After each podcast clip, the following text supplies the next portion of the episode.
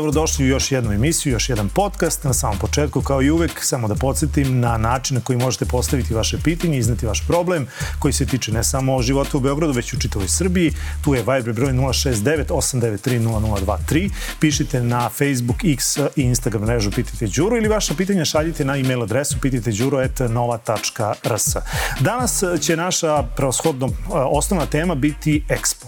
Expo u Beogradu, ali i Expo kao takav, dakle kao jedan projekat koji iziskuje ulaganje e, velikih novčanih sredstava i e, pitanje koje se nameće jeste njegova isplativost. Zato je moj gost danas Vladimir Obradović, profesor Fakulteta organizacijonih nauka e, i kandidat za gradonačelnika na prethodnim izborima, ali to na neki način nije osnovna funkcija mog današnjeg gosta, već upravo ovo, a to je profesor Fakulteta političkih organizacijonih nauka.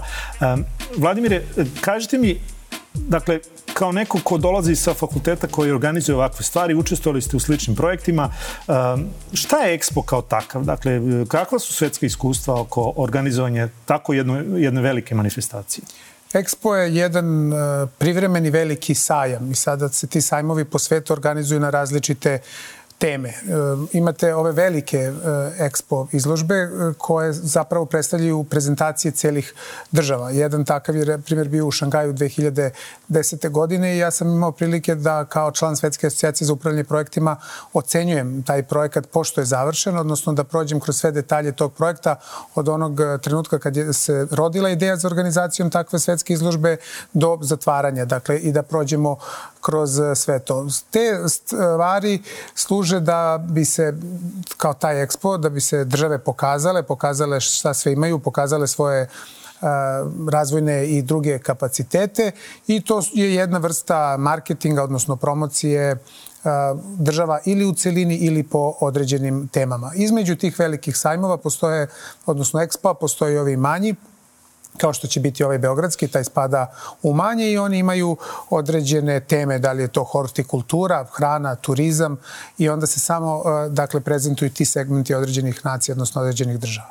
I šta iskustva govore? Dakle, unazad od kako se organizuju ovake velike izložbe, e, koliko, je, koliko ima pozitivnih, koliko negativnih efekata organizovanja sajma po državu koja je domaćin, preoshodno? Pa za državu koja je domaćina ko, i pogledajte ko organizuje te, ovaj, te izložbe, te sajmove, to su države koje imaju viška kapitala.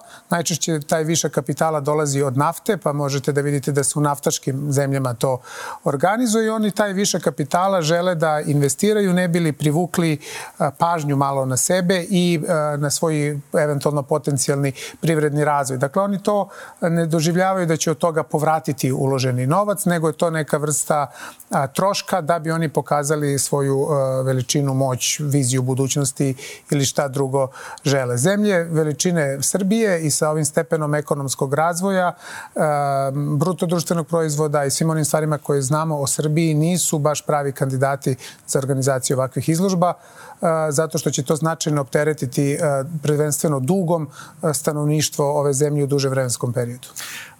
Ovaj Expo 2027 je propratni Expo, ako ga tako možemo krstiti, ili mali Expo. Mali. Dakle, to su neke dve osnovne stvari koje, na koji način se objašnjava ovaj Expo 2027. Posle njega sledi 2030, on se održava u, u Rijedu. Rijedu, je li tako? Je, tako. Zašto smo se mi uopšte kandidovali za ovaj ekspo? Ako vi kažete da su to preoshodno države koje organizuju ekspo, države sa jakom ekonomijom, dakle, jesmo li mi onda jaka ekonomija ili je posredi nešto drugo? Dakle, sigurno je posredi e, nešto drugo. Ovde moramo gledati malo širu sliku. Kada se to dešava, u kom ekonomskom trenutku, u kom političkom trenutku i onda da, da pokušamo zajedno da e, zaključimo. Mi moramo da, ne možemo ovaj ekspo gledati izolovano. Prvenstveno, paralelno sa tim ekspom, mi imamo najave da će biti rušen Beogradski sajam i e, da će se nakon određenog vremena Expo pretvoriti u novi Beogradski sajam. Tako da ja mislim primarni motiv onoga ko je doneo tu odluku jeste da ovo dobro i skupo zemljište na, na mesto današnjeg Beogradskog sajma prenameni u, i prebaci u privatne džepove. Dakle, osnovni cilj je da se na mestu Beogradskog sajma, tamo gde se on danas nalazi, prave skupi kvadrati kao produžetak Beograda na vodi, gde bi se to onda prodavalo po 5-6 hiljada evra i dakle neko javno dobro prelilo u privatne džepove kroz već razrađen sistem bogaćenja tako što uzmemo jedan deo grada, damo ga privatnim investitorima, a oni od toga naprave skupe kvadrate i debelo zarade. E, još dva grada su bile u tom najužem izboru, mi smo ih na neki način pobedili, ako se to tako može reći, ali iz ugla nekoga ko je bio u toj organizacijonoj strukturi, ko je nadgledao Expo ranije, koji su to parametri da je Beograd pobedio jednu, čini mi se, Valenciju, je li tako? I, e, pa bilo je nekoliko, nekoliko država, pa se onda to kroz različite e, segmente smanjuje. Dakle, zašto smo mi dobili tu kandidaturu? Mi smo dobili zato što smo verovatno dali tamo najvišu cenu tih investicija. Znam recimo kada ja sam proučavao i Kazahstan, kad je bila Astana i neki drugi, vi između ostalo kažete koliko ćete da investirate i šta ćete da radite. Recimo, kod nas i dalje su ti jako, jako netransparentni svi ti e, podaci o Expo, vratit ću se na to kasnije, ali znam da su neke zemlje koje su ranije kandidovale se da dobiju to, pa nisu dobile ili jesu, ta cena je bila oko 2,5 do 3 milijarde evra da košta investiranje u, u sveukupno u jedan Expo. Kako smo mi došli do 12, 13, 15, sad se pominje i 18 milijardi, to niko uh, živi ne zna. I šta smo mi pod sad taj Expo podveli, to ćemo takođe govoriti jer su jednim zakonom posebnim uh, predvideli da zapravo šta god da radite u Srbiji možete da proglasite da je to uh, vezano za Expo. Tako da je dakle, količina tih investicija jedan od bitnih parametara e, kako se neki ekspo dobije. Dakle, meni je jasno da mi nećemo dobiti, bar dok je ova vladajuća garnitura na, na, na, na čelu e, ove države, da nećemo dobiti egzaktan podatak, kao što nismo dobili egzaktan podatak ni za Beograd na vodi. To će pokriti neki lek specijalis, kako će se on zvati, hoće li se zvati Expo ili nekako drugačije, to ćemo videti, ali e, da li se može tražiti upravo ta informacija od onih koji su nam dodelili Expo. Ako vi kažete postoje razni parametri, dakle možemo li mi onda od te asocijacije ili kako se to već zove tražiti informaciju koliko je to Srbija obećala novca da će uložiti u Expo 2027? Verovatno da, može, ali dakle dolazimo zaista jednu smešnu situaciju da mi od sobstvene uh, rođene države i od državnih organa ne možemo da dobijemo informacije kako se naš novac prvenstveno troši i to nažalost ne samo naš novac, nego novac naše dece, verovatno i naših unučića. Dakle, oni troše iz kredita u napred i to će se vraćati generacijama. Tako da ja verujem da te asocijacije to mogu da daju ukoliko nije opet Znate, kao u nekim drugim ugovorima koje država potpisivala, stavljena oznaka e, tajnosti, pa da se i onda i oni ograde i kažu, pa znate, ovo je e, bilo tajno e, nadmetanje, pa nismo u stanju da to obelodanimo, ali pretpostavljam da može da se traži. Međutim, ono što je sramotno jeste da mi u našim zvaničnim državnim dokumentima ništa o tome ne možemo da nađemo. Evo ja recimo imam izvod zvanično iz zakona u budžetu, dakle strana koja se odnosi na Expo. Evo, dakle, to je projekat 5081, Expo Beograd 2027 i to je sve što mi imamo o ovom, uh, ovom projektu zvanično, dakle ovo je zvanično iz zakona. Mi iz toga ništa ne možemo da vidimo, ni šta se planira da se uradi, ni koji je obim tih radova, ni odakle se to finansira, ni, znači hiljadu drugih pitanja koje bismo morali da znamo za jedan projekat, mi iz ovoga ne možemo da znamo. Znači ovde piše jedinice mere, samo da kažem gledalcima, posto, e, bazna godina 2023, bazna vrednost nula, ciljna vrednost 2024. godini 24, ciljna vrednost u 2025. 37, ciljna vrednost 2026. 33. Ajte, molim vas, pojasnite. dakle, to su oni ovde predvideli kako će ta neka sredstva za Expo biti trošena po procentima, pošto ovde isto još nismo a, pročitali naziv indikatore, dakle, procenat finansijske realizacije projekta. Dakle, oni planiraju da u 24. godini potroše 24% para, u 25. 37. i u 26. godini 33 procenta novca. Ali ono što bi prvo trebalo da znamo ovde jeste šta se tim novcem planira i taj deo ne, ovde nedostaje. Dakle, vi imate opis gde bi trebalo da se opiše taj projekat, to za druge projekte u budžetu možete naći manje ili više opširne te opise, ali opisi postoje. Ovde je opis doslovce jedna rečenica. Sredstva ovog projekta su namenjena za izgradnju Expo Beograd 2027.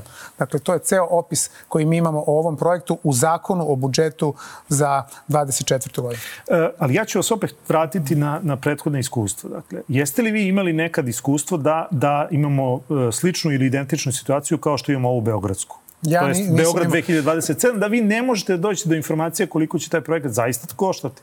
Evo, uh, ovaj, uh, uzet ću baš primjer Kine zato što Kina po mnogima nije baš oličenje e, zapadne transparentnosti, transparentnosti i zapadne demokratije i sistem kako se tamo vlada odlučuje i donose odluke nije kompatibilan sa onim kako smo mi navikli u onome što znamo zapadne demokratije, prvenstveno Evropa i um, Sjedinjene države i tako dalje. Dakle, uh, i tamo je sve bilo e, jako dokumentovano, transparentno i sve se moglo pogledati. Dakle, mi, ja sam tamo bio u funkciji međunarodnog ocenjivača.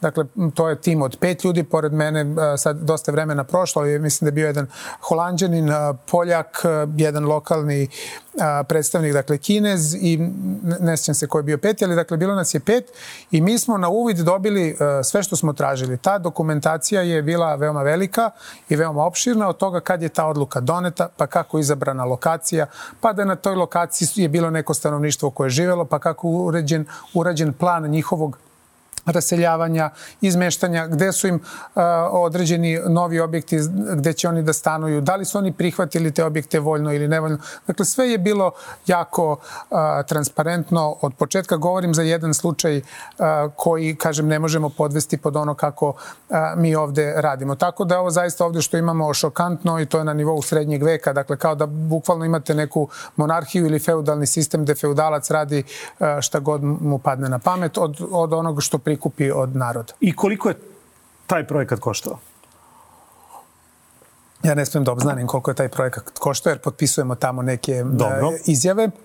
Ali, ali evo, da li možemo da uporedimo nije, sa ovim... Ali ne bi ga ni poredio zato što je ta velika uh, svetska izložba, dakle ona nije okay. uh, uporediva po obimu, dakle uh, uopšte nisu iz uh, iste uh, kategorije, ali je koštala manje od ovoga, dakle što se predviđa za ovu, za ovu malu, ta velika je koštala manje.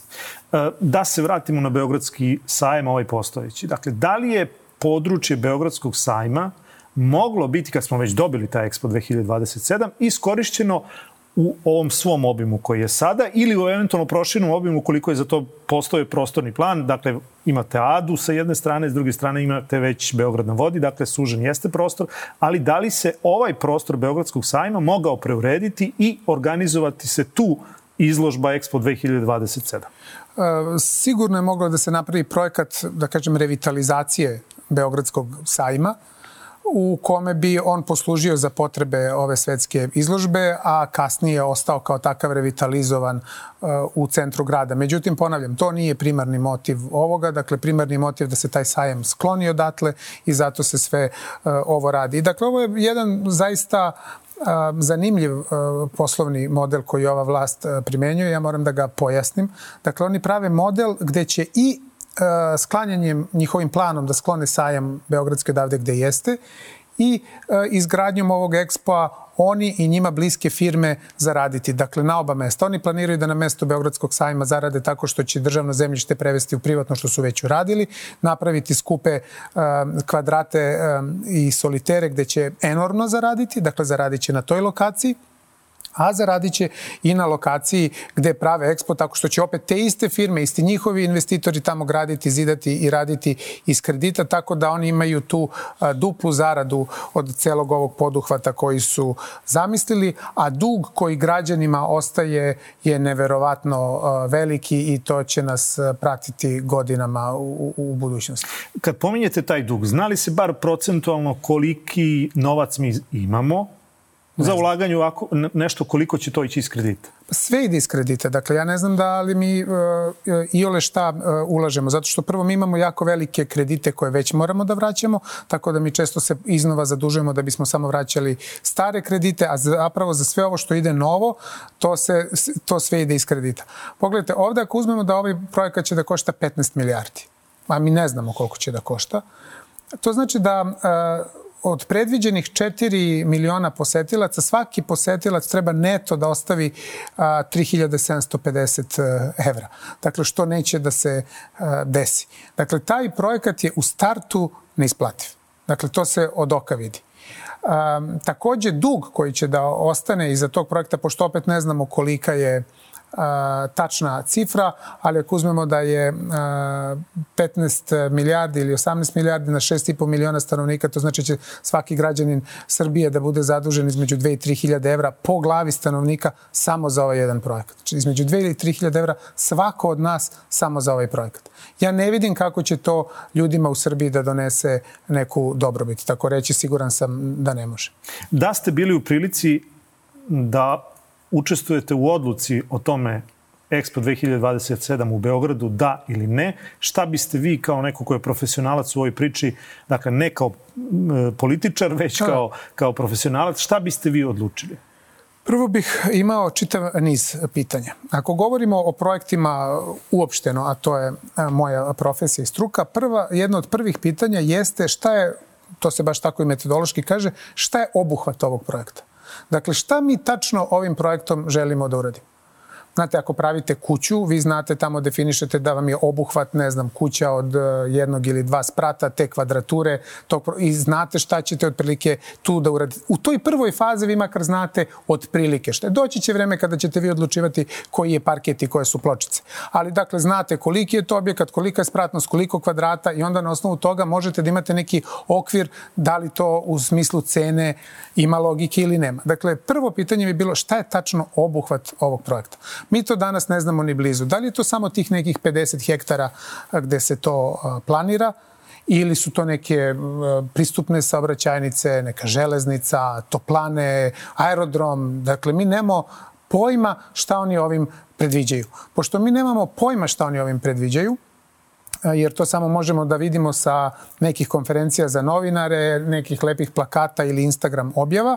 Dakle, mi onda ne možemo bilo kako stručno o ovome da sudimo, a pošto nemamo sve te podatke, onda je stručni zaključak o ovome se ne može odlučivati, dakle, ovo ne može biti odobreno, jer nemamo dovoljno podataka da bismo doneli odluku o tome.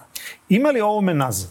Dakle, mi imamo beogradske izbore za koje još uvijek ne znamo hoće li biti ponovljeni, šta će se dešavati, ali ukoliko bi se promenila vlast u Beogradu, da li ovo nadilazi Beograd, da li je ovo republička odluka ili se ovo može spustiti na nivo Beograda i tu se promeniti. Imamo li mi sada mogućnost da kažemo ne Expo?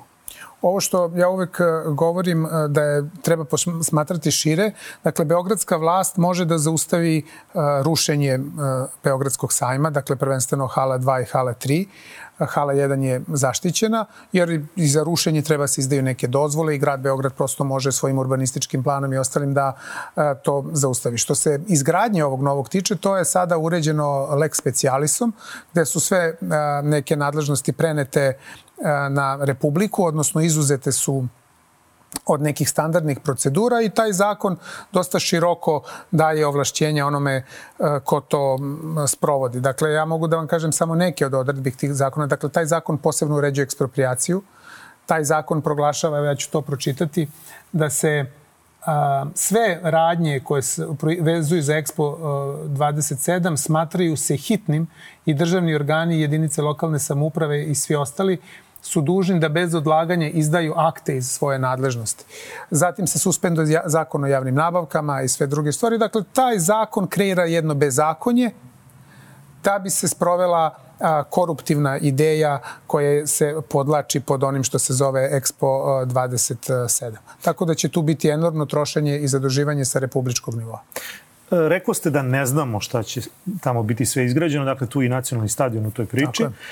Bilo je priče povezivanje Beograda i železnicom, metro, stanica, aerodrom, sve to, Obrenovac, dakle sve to, sve to smo mogli da, da čujemo. Ali ono što bih hteo da, da vas pitam jeste koliko je, šta posle toga? Dakle, ti ljudi tu dođu, borave jedan period, posle toga oni odu i šta posle, dakle, da li Beograd sa svojom strukturom i e, i brojem ljudi koji, koji živi u Beogradu i uopšte u Srbiji, da li on e, ima uopšte potrebu za tim halama koji će tu biti izgrađene, za tim prostorom koji, e, iz, e, koji ostaje iza Expo 2027. Evo, bio sam pre neki dan u Lisabonu, oni su, čini mi se, 98. imali Expo. A, I um, ono što sam ja uspeo da vidim jeste da, da u jednom Lisabonu koji definitivno u odnosu na Beograd... Da, Evropska unija Evropska unija, pa se može vidjeti golim okom da većina tih prostora, tih hala i onih propratnih sadržaja da to malta ne se ne koristi, sem tog akvarijuma koji kažu da je najveći u Evropi i tu ljudi dolaze. Sve ovo ostalo nekako deluje da je zatvoreno, zakatančeno i da to propada. Evo, pitaću vas, dakle, da bi građani čuli, da li znate koliko uopšte ta ekspo traje? On traje samo tri meseca. Dakle, mislim od 15. maja do 15. avgusta. Uh mhm. -huh. Dakle, 15 milijardi investicija, i opet kažem da li je 15 ili 12 ili 18, mi to ne možemo da znamo, je za nešto što traje tri meseca. Pa znate koliko građani Srbije imaju prečih stvari koje su im potrebne, koje bi im trajale decenijama naspram jedne a, izložbe, naspram jednog šoua koji će traje a, tri meseca. Dakle, to je zaista besmisleno veliko ulaganje. Naš godišnji budžet za investicije, kapitalne investicije, iznosi oko 4,5 milijarde budžet Republike Srbije. Ovde govorimo o 15 milijardi. To znači da će u naredne tri godine sve što se planira da se investira, da se investira uh, u tu lokaciju. Pritom ja ne mislim da će to, to da se desi u tom obimu, zato što ova vlast nije sposobna da realizuje te investicije. I pogledajte koliko njima traje rekonstrukcija jedne ulice ili uh, jednog bulevara u gradu. Tako da oni da ovo sve urede uh, za tri godine nema šanse tako da se eto nadam da neće sva ta sredstva e, povući iskoristiti i zadužiti nas e, u tolikoj meri, a ono što mora da se razmišlja od prvog dana, a opet ponavljam mi to nemamo, jeste šta će se desiti 15. avgusta 27. kad se e, kapije tog ekspoa zatvore. Dakle, šta će sa tim objektima da se desi? Možda oni već imaju plan da to daju svojim nekim privatnicima, preprodaju i ostalo. Ali, dakle, kad kažem šta će se desiti, mislim u kontekstu javnog interesa. Jer pogledajte, mini, trenutni Beogradski sajem ne radi punim kapacitetom i u, u, u punoj snazi kako bi mogao. Pa kako će onda, dakle, ovaj koji će da bude van grada, koji će da bude izmešten, koji će mnogo da, e, košta, da opravda svoju investiciju, ako ovaj postojeći koji imamo kažu da nije rentabilan, u što ja ne verujem, mislim da je to posledica lošeg upravljanja, jer jedan sajam, kao što je Beogradski, u, u centru jedne prestonice bi morao mnogo bolje da radi, ali to stvar E, lošeg upravljanja. Znači li to, dakle, jedna prva stvar koja meni pada na pamet, koja je mogla da se radi pre ovog ekspo, jeste metro e, i prosto je neshvatljivo da jedan evropski grad, e, ako ga poredimo sa, sa bilo kojom drugom e, zapadnoevropskom metropolom koja već ima, neki imaju 100 godina unazad metro, dakle, hoćemo li mi paralelno sa ovim Expo 2027 dočekati da se vozimo bar jednom linijom metroa 2027. godine, pa da odemo i na taj Expo? Ne verujem da će to da bude. Evo ja stalno ponavljam, mi doslovce nismo još iskopali ni metar metroa. Dakle, to stalno što se priča o metrou, o metrou, metrou, mi nismo iskopali ni metar metroa. Meni su čak u nekom uh, dijalogu, u duelu, ne znam, rekli pa vi ne znate kako se radi metro, nije metro to što ide ispod zemlje, metro je svašta nešto. Metro je model saobraćaja koji pretežno ide ispod zemlje i da bi on funkcionisao mora da postoji neke a, podzemni tunel i mora da postoje neke stanice. To još nije počelo a, da se radi. Pored toga oni to opet rade na jedan a, tako mi građevinci kažu, besmislen način.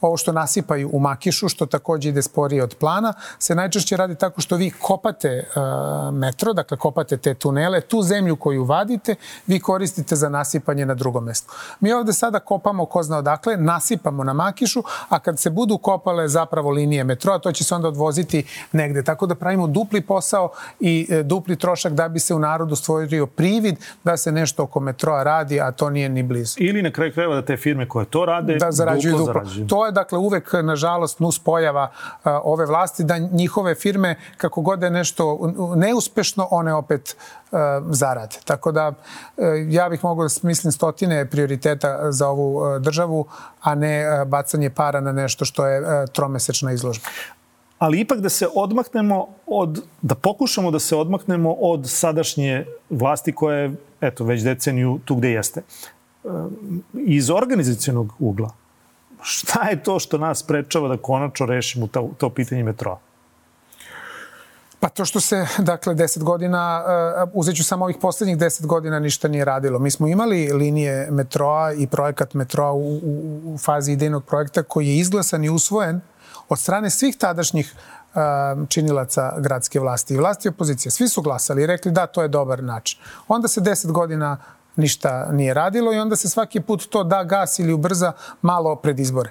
Znate koliko se jedan grad promeni za 10 godina, a naročito pod naprednjačkom vlašću gde se uništavaju zelene površine, e, neviđeno gradi tamo gde ne treba da se gradi, probijaju sve norme urbanog planiranja. Dakle, onda i sam taj metro koji je bio pre 10 godina usvojen ne može više prođe tim trasama jer se tu umeđu vremenu nešto izidalo. Pa je taj metro trebalo da ide na Novom Beogradu iznad zemlje, a u starom delu grada ispod zemlje. Na taj način bi bio i brži za izgradnju i jeftiniji. Umeđu vremenu je tamo gde je trebalo da prođe ta trasa, te su parcele zauzete i nešto izidano, tako da vi sad ne možete tu da, da prođete metrom, pa morate to da rešavate na neki drugi način, tako da je to dakle samo odlaganje i više trošenje. Umeđu vremenu mi metro nemamo, a što je dalje, on sve više košta.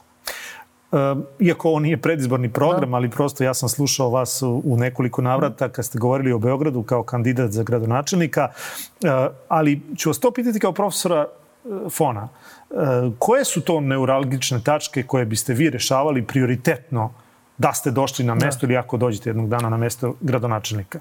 Pa za Beograd je to svakako prvo je saobraćaj, dakle i saobraćaj u, u, u ne znam, u koji god segment saobraćaja da uzmete, on je u kolapsu. Kad kažem koji god segment, da, bez obzira da li je to javni prevoz ili individualno kad se vozite kolima. Da krenemo ovo individualno kad se vozite kolima.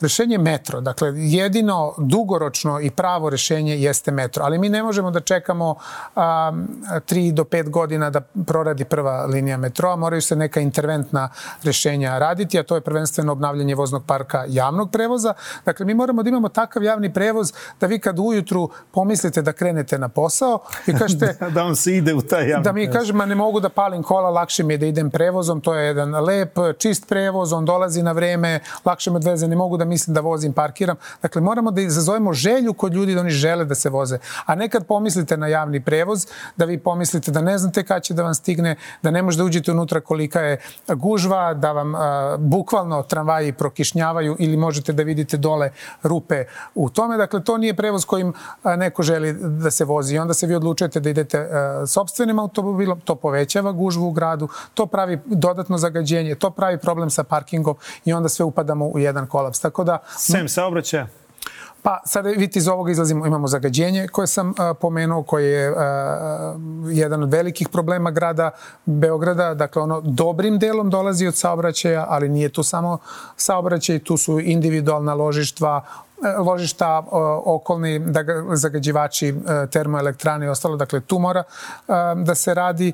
Naravno na tome grad mora, jako nije direktno nadležnost grada, ozbiljnije da se zauzme za zdravstvenu zaštitu. Dakle, zdravstvena zaštita nam je katastrofalna. Mi vidimo isti kao model kao kod ovog Expo-a, gde se vlast zadužuje i pravi neke objekte i investira neku opremu koja ničemu ne služi, jer zdravstveni, kad vi kad pomislite na zdravstveni sistem, šta vam je prva asocijacija? Pa lekar čovek kod koga vi idete. Ako nama ljudi odlaze u inostranstvo i mi nemamo ni lekara, ni medicinskih tehničara, dakle možete da imate šta god nema ko tamo da leče. Tako da grad mora da se zauzme i da malo preuzme od republičkih nadležnosti, investira u zdravstveni sistem, u ljude, u specijalizacije lekara, u nabavku opreme za njihov rad, da im pomogne da oni idu na e, kongrese, da se usavršavaju, ne bili ovde ostali i na taj način poboljša zdravstvenu zaštitu, jer to je, a vidite ove stvari koje ja navodim, dakle, saobraćaj, zagađenje, zdravstvena zaštita. One nemaju veze s tim u kojoj ste vi partiji. One nemaju veze s tim za koga vi glasate. To su stvari koje nas uh, uh, sve pogađaju i zato mislim da su one od javnog interesa za ovaj grad i da u to mora da se investira. Nažalost, mislim da je jedan deo ove uh, prethodno desetogodišnje gradske vlasti to, u to nije želeo da investira zato što su samo izvlačili kapital, a drugi deo vlasti sve ide želeo nije znao kako. Dolazite sa fakulteta organizacijalnih nauka, dakle to bi trebalo da bude fakultet koji kandiduju upravo menadžere, ljude koji će da upravljaju sistemima. E, imamo li mi dovoljno kadra? Kako nam je, kako nam je stanje u, u edukativnom sistemu? Pa stanje e, nazaduje iz godine u godinu ako krenemo od osnovnog e, obrazovanja na to, preko srednjom. Dakle, mislim i na profesorski kadar, ali i na studente koji dolaze kod vas. Šta vidite? Kod nas na fonu, na sreću, dolaze najbolji đaci iz Srbije. Mi imamo veliko interesovanje. Svake godine se prijavi 2400, 2500 kandidata, od kojih bude primljeno 1000, 1200. Dakle, i zaista su to super deca iz cele Srbije i ja sam svaki put srećan i ponosan da im kakvu kakvu decu imamo i da zaista svake godine sa našeg fakulteta izlaze vrhunski kadrovi. Ja sam u svojoj karijeri imao prilike da u nekoliko navrata i vodim timove baš iz upravljanja projektima na svetska takmičenja i mi smo tu do sada pet nagrada osvojili nekoliko zlatnih, srebrnu, bronzanu i ponosan sam na to da, da naši studenti u svetskom uh, rangu su sam vrh. Ono na što ja nisam ponosan jeste što posle nekoliko godina ja tu decu mogu samo da vidim na društvenim mrežama tako što su u Kanadi, e, Nemačkoj, e, Dubaju ili gde već po svetu, da svoje vrhunsko znanje nisu mogli ovde da primene, nego moraju da odu negde gde će njihovu profesionalnost neko da ceni. Jer pogledajte opet da se vratim na ovaj Expo u Kini. Tamo je zvanično, dakle, kada se radilo, to jedan od univerziteta uzet kao uh, podrška, uh, potpora da se taj projekat realizuje. Dakle, oni su rekli da, to treba da se uradi, ali nama treba univerzitet koji će to da osmisli, planira, radi, sprovodi, nadzire i tako dalje. Ovde se, dakle, sve što ima veze sa strukom i profesijom sklanja u stranu i samo se gleda uh, politički uh, interes. I ti, kada sad slušam, dakle, ti mladi ljudi, kad se vi pretpostavljate da. ste i dalje u kontaktu sa nekim od njih. Šta im je glavna, glavna tačka kad kažu, ok, ovde sam stekao znanje, hvala državi Srbiji, ali ja odoh? Oni upisuju s tim predomišljem. Dakle, oni kažu dajte da ovo završim pa da idem negde. Uh mhm. -huh. Dakle, nema tu nekog e, iznenađenja. Dakle, oni upisuju To je dobar fakultet, taj fakultet će im doneti uh, to da mogu da rade gde god hoće u inostranstvu, jer kao što sam rekao, znanje koje to steknu je zaista na jednom uh, svetskom nivou. I oni kažu završim to i da palimo negde. Dakle, ja koristim taj, taj, taj, taj rečnik, kako studenti kažu, zato što ovde nema, nema mogućnosti. Dakle, jedan je stvar, moramo da kažemo da je materijalni segment jedan. To da li ćete vi ovde imati veću ili manju platu u odnosu na to da li ćete imati uh, negde u inostranstvu, jedan segment. Ali druga stvar, evo, vi da se sad zaposlite u sistem uh, neke uh, gradske uprave ili nekog ministarstva. Ali stvarno mislite da ćete da napredujete prema tome koliko ste stručni? Da ćete vi sutra biti rukovodilac ovog projekta ili šef negde zato što ste dobri u tome. Pa naravno da nećete. Bićete tamo da li ste po politički podobni, da li ćete da ćutite i da slušate i da radite ono što vam se kaže. Dakle, to su metode kako se stiču ove a, funkcije u ovom državnom sistemu kakav je sad. I ta mlada pametna deca baš zato što su pametna, neće da učestvuju u tome i biraju neki drugi put. Ima li načina da ih vi od toga odvratite, to jest da im kažete dobro idi, vidi tamo, radi tamo i vrati se ovde sa još većim znanjem i pokušaj da, da, da vodiš ovu državu. Negde sam pročitao da ste rekli e, da su vam zamerili što ste ušli u politiku, što, što e, niste ostali samo u struci, a onda ste im vi odgovorili da prosto je politika sve što nas okružuje i ukoliko se svako od nas ne uključi ne u partiju, nego uopšte u, u, u život e, i ne uzme učešće u onome što je, u čemu je stručan, da to onda prosto e, nema, nema šanse da napredujemo. Dakle, kako ih vi ubedite da, da se oni ipak vrate ovde i da li uopšte pokušava? Pa razgovaram o tome često sa njima, ne bih da ih ubeđujem ni da odu ni da ostanu, dakle to je ipak individualna odluka. Ja bih naravno sa aspekta zemlje voleo da ti ljudi ostanu ovde i da uh, zajedno uh, radimo na razvoju ove zemlje i ja se nadam da će se taj trenutak desiti. Zato što, kažem, ljudi kad se ostvare u određenom nivou karijere, nije njima više toliko bitna plata, nego im je bitno da oni pokažu da mogu nešto da urade, da promene i ostalo. Naravno, plata mora da postoji, ona mora da bude na nivou dostojnom za život. Ali, dakle, nije presudni faktor u određenom delu karijere. Međutim, ovo, ako vi se negde zaposlite i ne možete da uh, iskažete uh, ono za što ste se školovali, šta želite, pa vi odatle odlazite. Mislim da vi to novinari najbolje osjećate takođe na svojoj koži u zavisnosti od toga u kojoj redakciji radite i gde možete da nešto za što ste se školovali ili kako vi mislite da nešto treba da uradite, da uradite a gde negde ne možete, onda tu glavno merilo nije novac, nego da vi zapravo radite ono što volite i zašto ste se školovali. Kada se kreiraju uslovi mislim da će početi i da, ma, da manje odlaze i da se neki vraćaju. Ja sam to negde, ja mislim, i pričao. Zamislite koliko smo mi kao društvo se odrodili od realnosti. Zamislite da neka od ovih, evo recimo, Beogradski metro i voz ili Beogradske pijace ili neko drugo od javnih preduzeća raspiše konkurs za prijem novih ljudi koji će raditi na upravljanju projektima i zaista na tom konkursu izabere najbolje. A možete to da zamislite. A ne... se sećate nekog konkursa gde je upravo se to desilo? Ja zaista ne znam i ne, nije stvar da li ja znam ili ne znam. Niko, niko više ne veruje da je to uopšte moguće. Znate, to, vi kad razgovarate s ljudima, pa oni svi znaju da to nije moguće, da će se zaposliti neko ko ima vezu, partijski podoban ili ko je prethodno radio u nekom call centru, pa je sad tu uh, dobio posao. Dakle, oni istinski u to ne veruju. Znači, mora se vrati vera u sistem, vera u institucije i onda u tom ovaj, sistemu da onda kažu, pa vidi od ovih 5-6 ljudi koje smo zaposlili, 8-10, ovi su se neki istakli, oni će sada napreduju na rukovodeće pozicije, dobit će neke projekte svoje da vode i, i razvijati se i, i tako će se i ti ljudi individualno razvijati, ali ono što je podjednako bitno, sistem će se razvijati, društvo će se razvijati, svi ćemo živiti, živeti u boljem društvu. Bez toga nema boljitka. A od reči, od usta do usta se to brzo pročuje. Dakle, ako se to počne da se dešava, oni će kažu, pa ne, tamo stvarno sam se zaposlio na konkursu su, evo vidi, radio sam, imao sam dobre rezultate, završio sam neke projekte